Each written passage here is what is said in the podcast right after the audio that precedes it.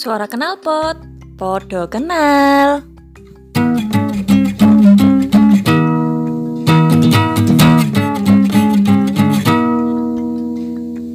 Assalamualaikum warahmatullahi wabarakatuh.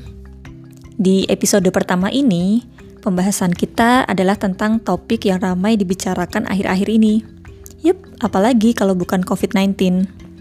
Seperti yang kita ketahui bersama bahwa wabah ini tuh nggak bisa dianggap sepele, hingga akhirnya WHO mengeluarkan himbauan pembatasan atau yang dikenal dengan istilah physical distancing untuk mengurangi penyebaran virus ini.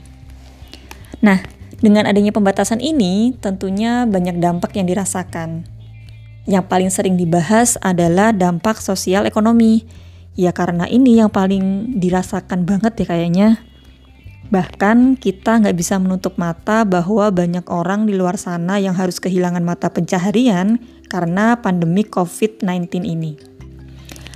Uh, kalau dibilang stres, bisa jadi. Bosan, sudah pasti. Eh, ini nih salah satu alasan kenapa saya bikin podcast ini. Lah, saya curhat ya. Jadi sebenarnya kuncinya sih gimana kita beradaptasi dengan situasi yang berubah secara cepat ini. Nah, ngomongin tentang adaptasi, kalau ditanya sebenarnya kenapa sih kita harus beradaptasi? Ya kalau enggak, ya kita bakal stres sendiri gitu kan.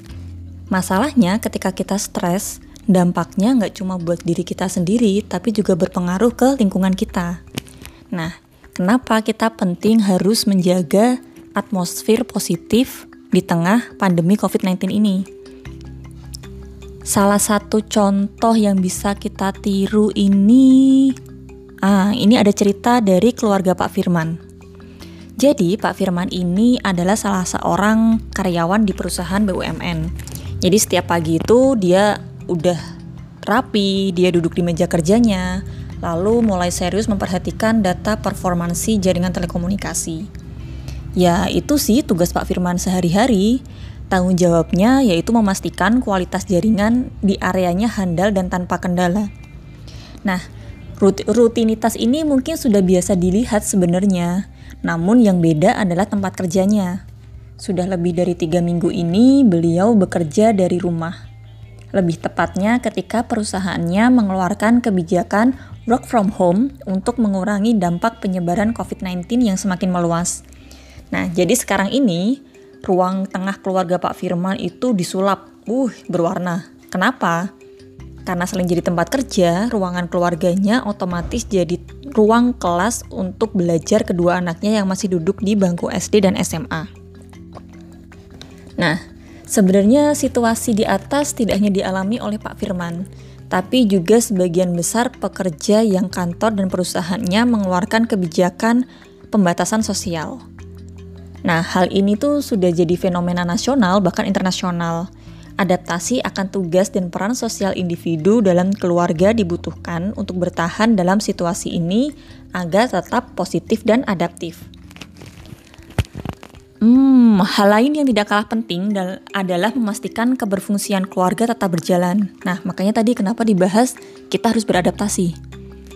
Menurut Moore and Van Dier 2005 dalam Adi Fahrudin di jurnal tentang keberfungsian keluarga, yaitu konsep dan indikator pengukuran dalam penelitian tahun 2012, menjelaskan tentang aspek-aspek keberfungsian keluarga, antara lain rutinitas keluarga, kualitas hubungan perkawinan orang tua, kualitas hubungan anak dan orang tua, monitoring dan supervisi anak, serta komunikasi keluarga. Nih, kita geser sebentar ya ada yang pernah main uh, game tentang mencari perbedaan gambar? Jadi biasanya tuh ada dua gambar yang sangat mirip, lalu kita diminta untuk mencari perbedaan kedua gambar tersebut. Nah, hubungannya apa dong sama COVID-19 ini? Nah, jika diibaratkan, kedua gambar tersebut adalah kondisi keluarga sebelum dan sesudah terjadinya pandemi COVID-19. Maka, akan jelas perbedaannya. Dalam kondisi saat ini, pola kehidupan sehari-hari kita berubah. Akan tetapi, garis besar kegiatan yang kita lakukan masih sama. Orang tua masih bekerja, dan anak-anak belajar dengan memindahkan tempat aktivitas tersebut di rumah. Oke, mari kita ingat kembali ya. Biasanya saat duduk di meja kantor, di kantor ya, di meja kerja, kita noleh. Dan yang terlihat adalah rekan kerja kita. Tetapi saat ini, kita bisa dengan mudah mengetahui kondisi dan aktivitas keluarga tanpa menggunakan media apa pun. Hmm. Dengan adanya waktu kebersamaan yang lebih dari biasanya, maka relasi dan komunikasi yang terjalin antara suami istri maupun orang tua anak juga semakin intens.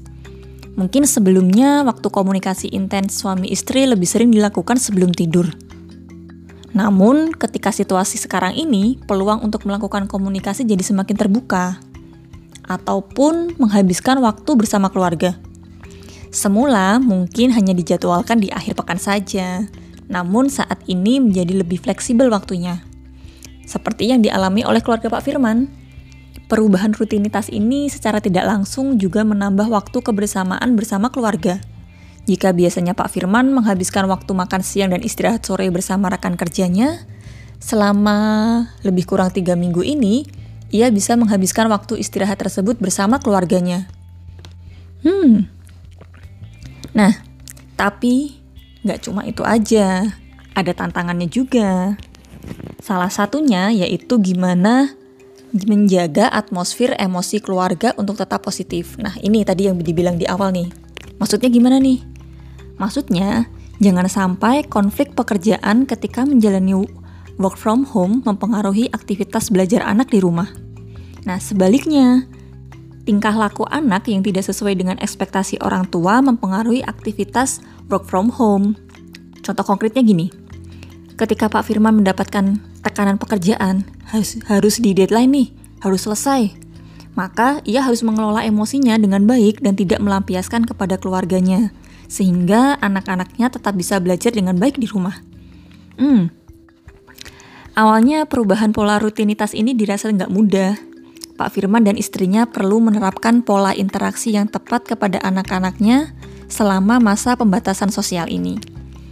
Pak Firman dan istrinya setidaknya harus mengingatkan anak-anaknya bahwa pembatasan sosial di rumah ini bukan waktu liburan. Catat ya, ini bukan liburan. Jadi mereka harus memastikan kedua anaknya tetap melakukan aktivitas edukasi sesuai dengan jadwal yang telah disepakati. Nah, begitu pula ketika keinginan belajar anak-anak di rumah itu nggak sesuai dengan ekspektasi orang tua, jangan sampai hal ini mempengaruhi proses work from home mengingat mereka menjalankan aktivitas masing-masing di satu lingkungan yang sama, bahkan di satu ruangan yang sama. Yang satu di pojokan lagi kerja, yang satu di pojokan lagi belajar. Nah, keluarga sebagai unit terkecil dalam masyarakat memegang peranan penting dalam menghadapi situasi saat ini. Salah satu indikator instansi keluarga menurut Dan Strivett dan Deal tahun 1988 adalah tentang keterampilan keluarga bertahan dalam suatu kondisi tertentu, yaitu keluarga mempunyai coping strategi untuk menangani peristiwa tersebut. Jadi, coping strategi ini diartikan sebagai uh, cara individu, cara keluarga untuk mengatasi masalah yang dihadapinya. Nah, hal tersebut dilakukan oleh keluarga Pak Firman. Di tengah banyaknya pemberitaan yang menimbulkan kecemasan, Pak Firman dan istrinya melakukan edukasi seputar COVID-19 kepada anak-anaknya, sehingga anggota keluarganya tetap waspada dan tidak mengalami kepanikan yang berlebih. Selain itu, banyak hal sih yang bisa didiskusikan, termasuk menyusun rencana kegiatan agar tidak merasa bosan selama menjalani pembatasan sosial ini. Itu tadi cerita dari Pak Firman dan keluarganya dalam menghadapi pandemi COVID-19 ini.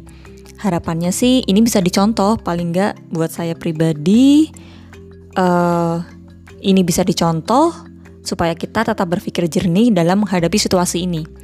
Nah, di tengah ketidakpastian kapan situasi ini akan berakhir, masih banyak hal positif yang bisa dilakukan bersama keluarga untuk menjaga keberfungsian keluarga tetap berjalan dengan baik. Nah, itu tadi cerita yang bisa saya sampaikan di episode kali ini. Tetap jaga diri ya. Stay safe, stay positive, and stay at home. Sampai jumpa. Dan semoga bermanfaat ya. Bye-bye. Suara kenal pot. Podo kenal. Wassalamualaikum warahmatullahi wabarakatuh.